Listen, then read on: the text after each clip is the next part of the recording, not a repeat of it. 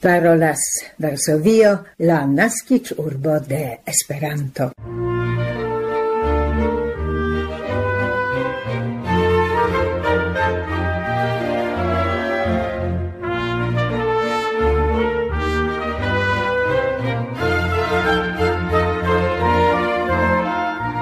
Varman bonvenon, gesignoroi, mercrede la dudec quinande januaro, du mil dudec tri. En la 1222 Esperanto el Varsovio.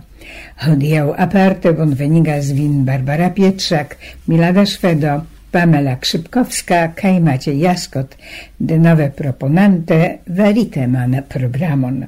Krom komencej aktualaĵoj ni proponas nian sciencan rubrikon kun la espero, ke vi trovos en ĝi atento kaptajn informojn, interanie pri interesa pola inventajo laco kiu ne causas corodon. Proximigas lauvica sesio de la interlinguistica istudo en Poznano. Nea anta microfona gasto estas professorino Ilona Kutne, cum kiu ni interparolas pri actualajoi ligitei interalie cun la comencigintei surloca interlinguistica studoi en Poznano cae dauranta triara stud cursaro. En la comenzo ni proponas actualajoin, inter alie pri temo ne malaperanta, distanza laboro.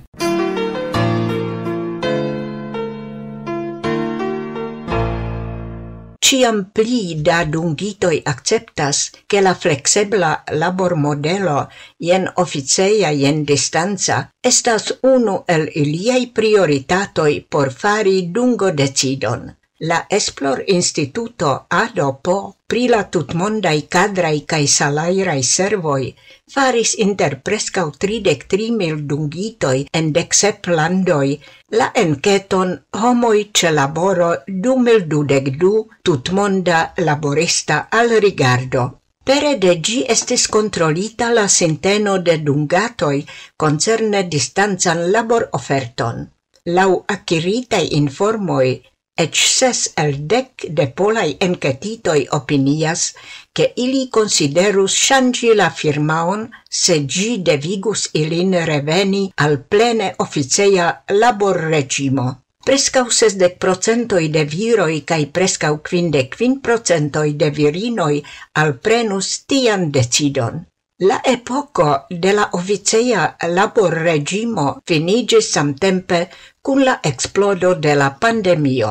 Laborantoi ciam pli favoras la hybridan labor metodon, ec unu triono de poloi consentus pri salairo reducto favore alla eblezzo usi flexeblain laborhoroin dum ilia tempo dedicita al profesiai tascoi ne estus shangita. Tion declaris iom pli ol dudek naŭ procentoj de la enketitoj. Krome preskaŭ sesdek unu procentoj havi pli grandan elastecon concerne tion, en kiui horoi ili laboras, conservante la samajn laborhorojn dum la semaino. Jam en la 1980 brita enketo elmontris che dum norma oghora labortago laboranto estas productiva nur dum tri horoi, kaj la ceteran tempon li si dedicas al exter laborai activadoi labor activezzo mal rapidigas pro tio, che la homa cerbo havas limigitan tempon por creiva pensado, cae ne capablas esti sammaniere creiva en la dauro superanta tri horoin.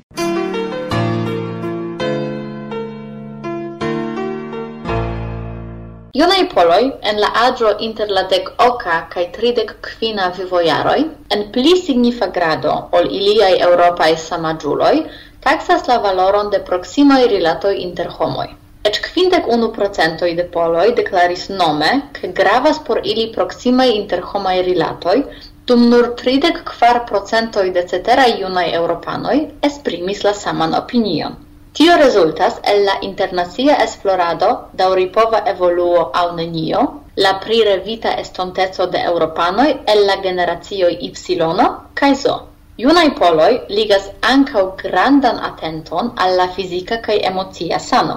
Tion deklaris 63% de junai poloi, dum malpli aliaj europanoi, tio estas 57%. Junai Europanoi en kvindek kvin procentoj inter la plej gravaj pilieroj de daŭripova socio plej ofte menciis la naturmedion en kvindek du procentoj, edukadon kaj talenton. Plej multaj junaj poloj menciis inter la plej gravaj pilieroj de la daŭripova socio sanon kaj medicinon, naturmedion kaj sciencon. Nur postan lokon okupis edukado kaj talento – favore al kio voĉdonis kvardek du procentoj de la enketitaj poloj. Junaj poloj la estontecon en pli signifa grado ligas kun teknologio, kvardek procentoj, dum nur dudek sep procentoj de aliaj eŭropanoj havas tian opinion. Aliflanke, por junaj poloj malpli esencaj estas problemoj de daŭripova evoluo. Se ceteraj eŭropanoj eĉ dudek tri procente voĉdonis por tio, inter poloj nur dec du procentoj. Ali flanke, same por junai poloi, kiel ankaŭ por junai europanoi, gravas la scienz technologia evoluo kai medicina esploroi. Tion declaris naŭdek tri procentoj de ciui enketitoj. Se temas pri la respecto por la natura medio, ec naudec unu de junai poloi confirmis tion, kio estas je ses procentoj pli ol la deklaroj de aliaj junaj europanoi.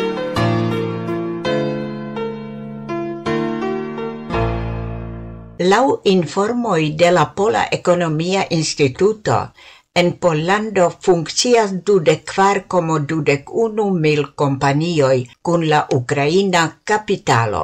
Kio signifas ec dudec kvin procentoin de ciui companioi cun la exterlanda kapitalo. Laula rapporto raporto de la instituto, tio samtempe signifas sep procentojn de ciui companioi registritai en Pollando, inclusive de la Polai. En plimulto temas pri ukrainaj komercaj firmaoj, dudek du procentoj, konstruaj deknaŭ procentoj, cae firmaoi occupigiantai pri transporto cae staplado dec quar procentoi. Inter ili dominas firmaoi unu personai. Inter januaro cae septembro 2022 sume la nombro de ucrainai unu personai firmaoi crescis lavange cae egalis al dec mil ducent sep lau sesdec ses procentoi de la respondintoi tiu agado en Pollando estos daurigota sendepende de la situatio en Ukrainio. Nur kvar procentoi de la encetitai ukrainai firmaoi intensas fini sian agadon en Pollando cae reveni al Ukrainio, ciam nur cition ebligos situatio.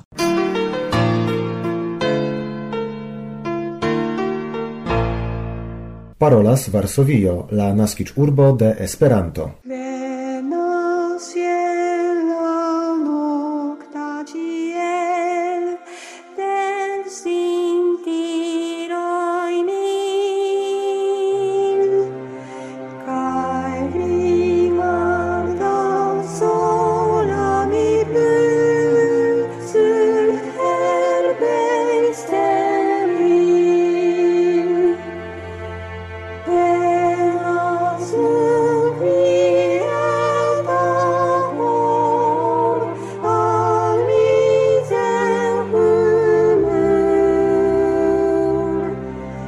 canción.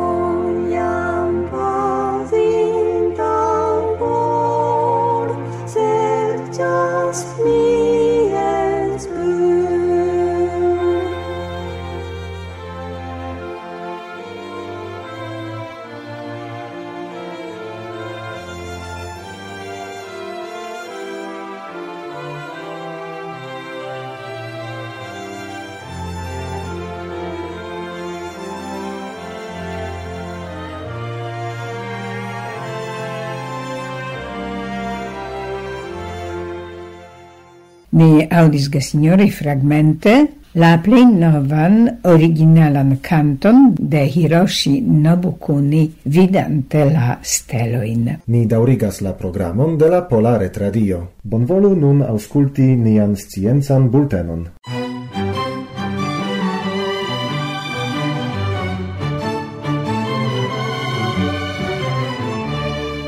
Polei sciencistoi patentumis contra corodan la solveblan en aquo cum la aldono de grafenoxido go-flake. Gie proprecoj esis confirmitei experimente, ciam unu el la profsurfacoj estis covrita per gi, che la alia per laco sen la aldono de grafeno en la medio favoranta corodon, corodigion. La provajoi covritei per laco sen grafeno korodis sur pli malpli dudec procentoi de la surfazo. La aliei cun l'aldono de grafenoxido korodis sur la surfazo de gis duona procento. Samtempe la applico de nanomaterialo en la formo de petala grafeno goflake en novai surfacei lacoi ebligas malgrandigi la uson de substanzoi nocei por la medio kiel cromio. La applicablezzo de nova lacco con grafeno estas tre vasta, de construado tra motorizo, aviado, cosmei teknologioj, petrola kaj gasa industrioi, gis renovigebla energio. La patentumitan lacon cum autoras polei sciencistoi el IMO IFO cae IMO po institutoi, crome el instituto pri optoelektronico de la Militista Tecnica Academio. La iara producto valoro de kontraŭ korodaj surfacoj en la mondo egalas al dek du miliardoj da usonei dolaroj. En tiu ci contexto la pola inventajo havas schlusilan cae decidan influon iela evoluo de la branĉo.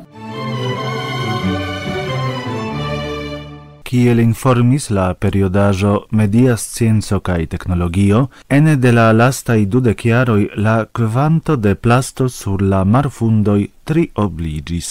Tio sekvas el la esploroj de la hispanaj sciencistoj de la Barcelona Autonoma Universitato lau iliai esploroi el 2019 en la Mediterranea maro ciam microplasto sedimentigas sur la marfundo, gi ne plus engradigas, cion oni constatis trovante tie plaston ancorau el la sesdeca iaroi. La plasto fragmentigas cefe sur la plagioi, sur la mar surfaco au en aquo colonoi, cio ne signifas che giai spuroi en la natura medio ne estas dangerai la amasigio de plastopoluaĵoj ligiĝas kun la monda nivelo de plasta produktado, kio estas aparte rimarkebla ekde la komenco de la dudekunua jarcento. La plasta in forfalaĵojn en signifa grado formas particloi de polietileno kaj polipropileno el pacumoi kaj boteloi kaj poliestero el sintezitaj fibroi.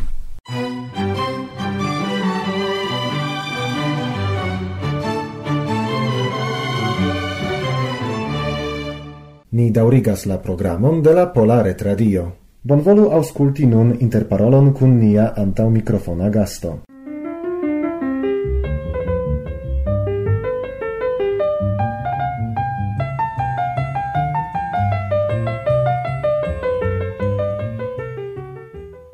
Iam eh, kelkfoje en 2012 ne informis cae ec parolis pri startontai du jare postdiplomaj programoi studoi sur surlokaj pri interlingvistiko kaj informa mastrumado en la Poznana Universitato en Adam Mickiewicz Universitato. Poste ni havis la okazon lime de novembro kaj decembro informi ke efektive la studoi startis.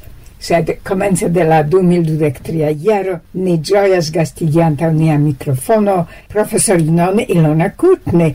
Por eksii Kiel komenciĝis la studoj, kiel trapasas la programo kaj kiu finfine ĝin partoprenas? Ni planis tiujn studojn unuavice por junuloj, kiuj ĉiukaze studas kaj volas atingi la magistran diplomon kaj tiel ni anoncis studadon, kiu estas sufiĉe kompleksa kaj espereble ankaŭ helpos en la trovo de laboro. Mi tiel argumentis en la universitato por fondi la linguistiche in studoin, che dum tiu studoi la studentoi akiras bonan sperton pri la intercultura comunicado, kio estes io baza nun tempe, kia multa internaziai filmaoi cercas kun laborantoi ili lernas ancau pri computilai aferoi kiel trovi lingvaid informoin, vortaroin, vortarojn, traduksistemojn kaj tiel plu, kaj nuntempe la labor mercato nepre bezonas junulojn kiu havas spertojn pri tiuj komputilaj aferoj.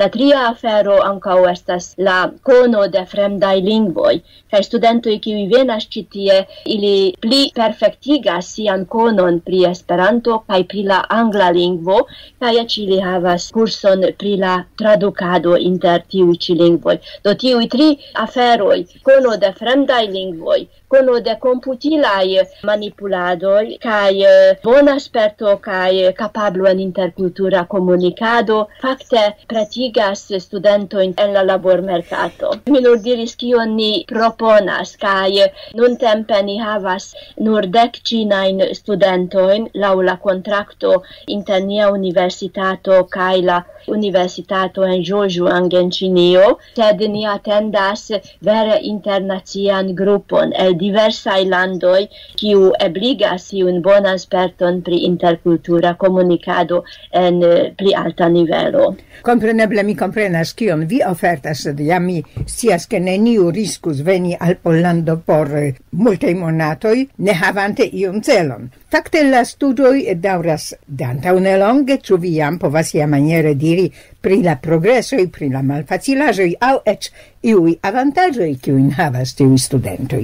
Ili fine alvenis iom pli do da tiuj ĉinaj studentoi, char eh, la unuan foion eh, ni ancora ne havis sperton kiel aranĝi in tiujn documento in kai por ili ankaŭ vison, do anstataŭ la comenzo de octobro, ili alvenis eh, la dua parto de novembro kaj tiel de tiam ni havas duoblajn lezionoin, kion ili suffice bone eltenas, ili diligente laboras studas kaj interesiĝas, kunlaboras kun ni, ili havas studobjektojn pri Esperanta gramatiko, per perhelpe de kiu ni fakte ni iom trarigardas la lingvistikajn nociojn ili havas studobjekton pri interlingvistiko en malvasta senso do pri planlingvoj kaj pri internacia komunikado. Ili havas kurson ankaŭ pri esperanta kulturo kaj ankaŭ pri interkultura komunikado krom la lingvolecionoj de la angla kaj esperanto. Mi aldonu che ĉi tie la studentoi havas io mal pli da sperto en Esperantio o en la postdiploma gruppo kia jam estas kutime pri agiai personoi kiui ec interesigis pri Esperanto kai havas diversa in spertojn. La cina studentoi havas ancora mal multe da sperto en Esperanto movado, sed espereble tiui duiaroi helpos al ili akiri krom la kursoj ankaŭ praktikajn spertojn en Esperantio. No ĝuste de longe de jarcent kvarono Adam Mickiewicz Universitato en Pozdano daŭrigas poste diplomajn interlingvistikajn studojn Nun la conoin profundigas jam la oca gruppo. Ciu kai eventuale kiain comunain relatoin povos havi sur loca studento studentoi nun comencintai tiun dujaran studperiodon kun studentoj daŭrigantej foje la surlokan fojeretan studadon. La studprogramo de la magistra studoi kiu okazos setere en la universitado kadre de la linguistico lingvistiko kaj informastrumado, kaj tiel io adaptigis al eh, tiu celo, tamen baziĝas sur la spertoj dudekvinjaraj de la postdiploma interlinguistica studoi do ili proponas same esperantan gramatikon, eble ni pli fakte orientigas ilin en linguistico Ni havas aparte lingvo politikon kaj eh, interkulturan komunikadon eh, por tiuj celoj kiel mi diris esti pli kapablaj en la labormerkato kaj ili havas malpli da esperanta literaturo, ĉu ne? Sed eh, tamen la plej ĉefajn elementojn de literaturo, movado kaj esperanta kulturo ili ricevos kaj mi pensas ke ili fakte povos konatiĝi kun la postdiplomaj studentoj ĉar non ni planas che no februaro kiam okazos iam la quara cefa sessio de la postdiplomaj studentoi distanze ti anni povos en shalti on call la studentoi, la cina studentoi de la tagai eh, magistrae studoi, cae tia ili pova sperti, kio estas la gamo de la postdiplomae studoi, kiui dauras tri aroin. La interlinguistica studoi jam disponas pri proprei lernolibroi, kiel interlingvistiko de Vera Barandowska-Frank, kaj autune aperis la dua el la serio Esperanto Kulturo. Ni iom koncentriĝu pri la lasta, sed verŝajne jam estas planitej pliaj titoloj, eble aparte en la kunteksto de la surlokaj studoj.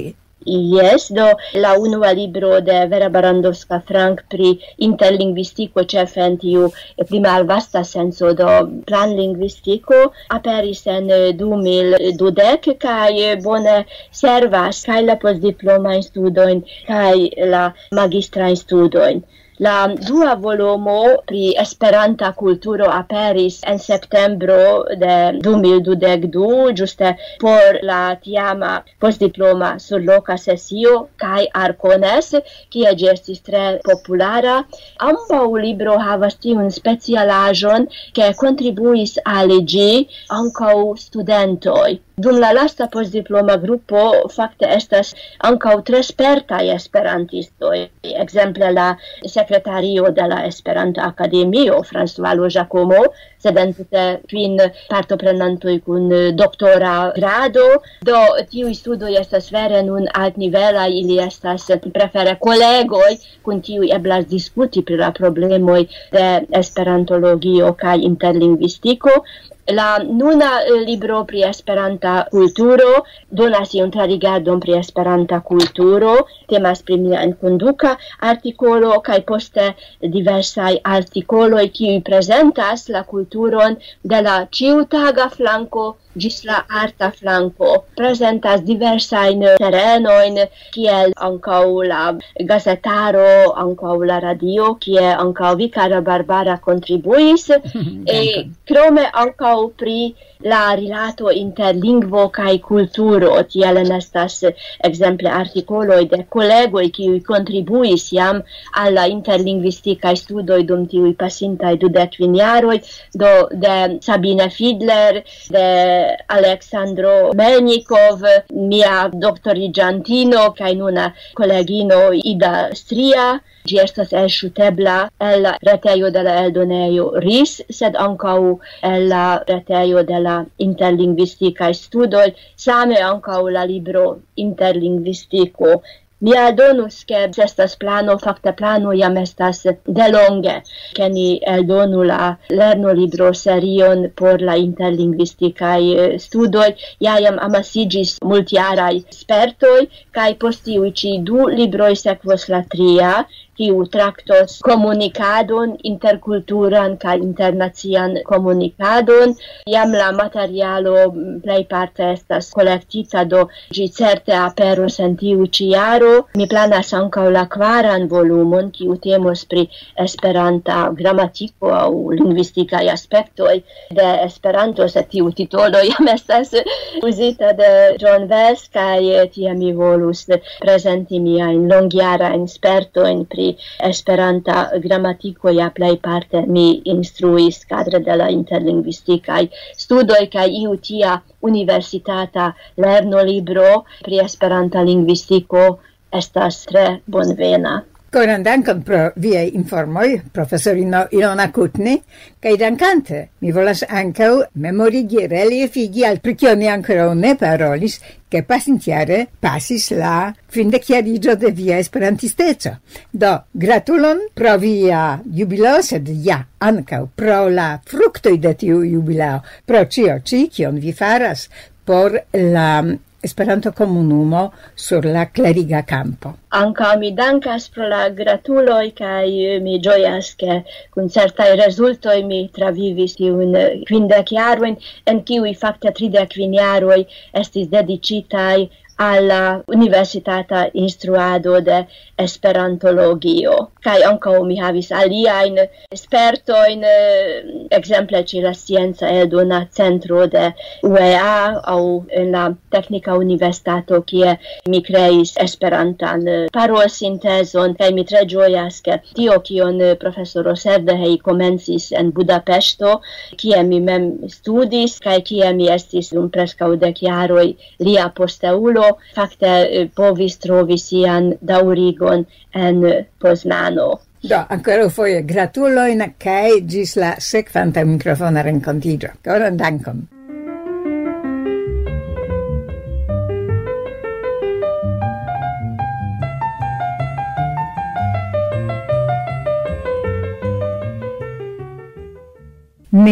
anta un microfona gasto estis professorino Ilona Kutne gvidante de la pasinta iaro sur loca in interlinguistica in studoin kaj da duda kvin jaroj post diplomajn studoin ce Adam Mickiewicz Universitato in Poznano.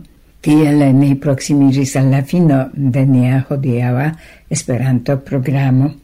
Ne hesitu ec se mallonge lasi konfirmon au mallonge mesaĝi pri la plei interesa por vi programero – en la hodiava elsendo. Se la programo placis al vi, subtenu mien laboron, ce nia UEA konto vars strekoto.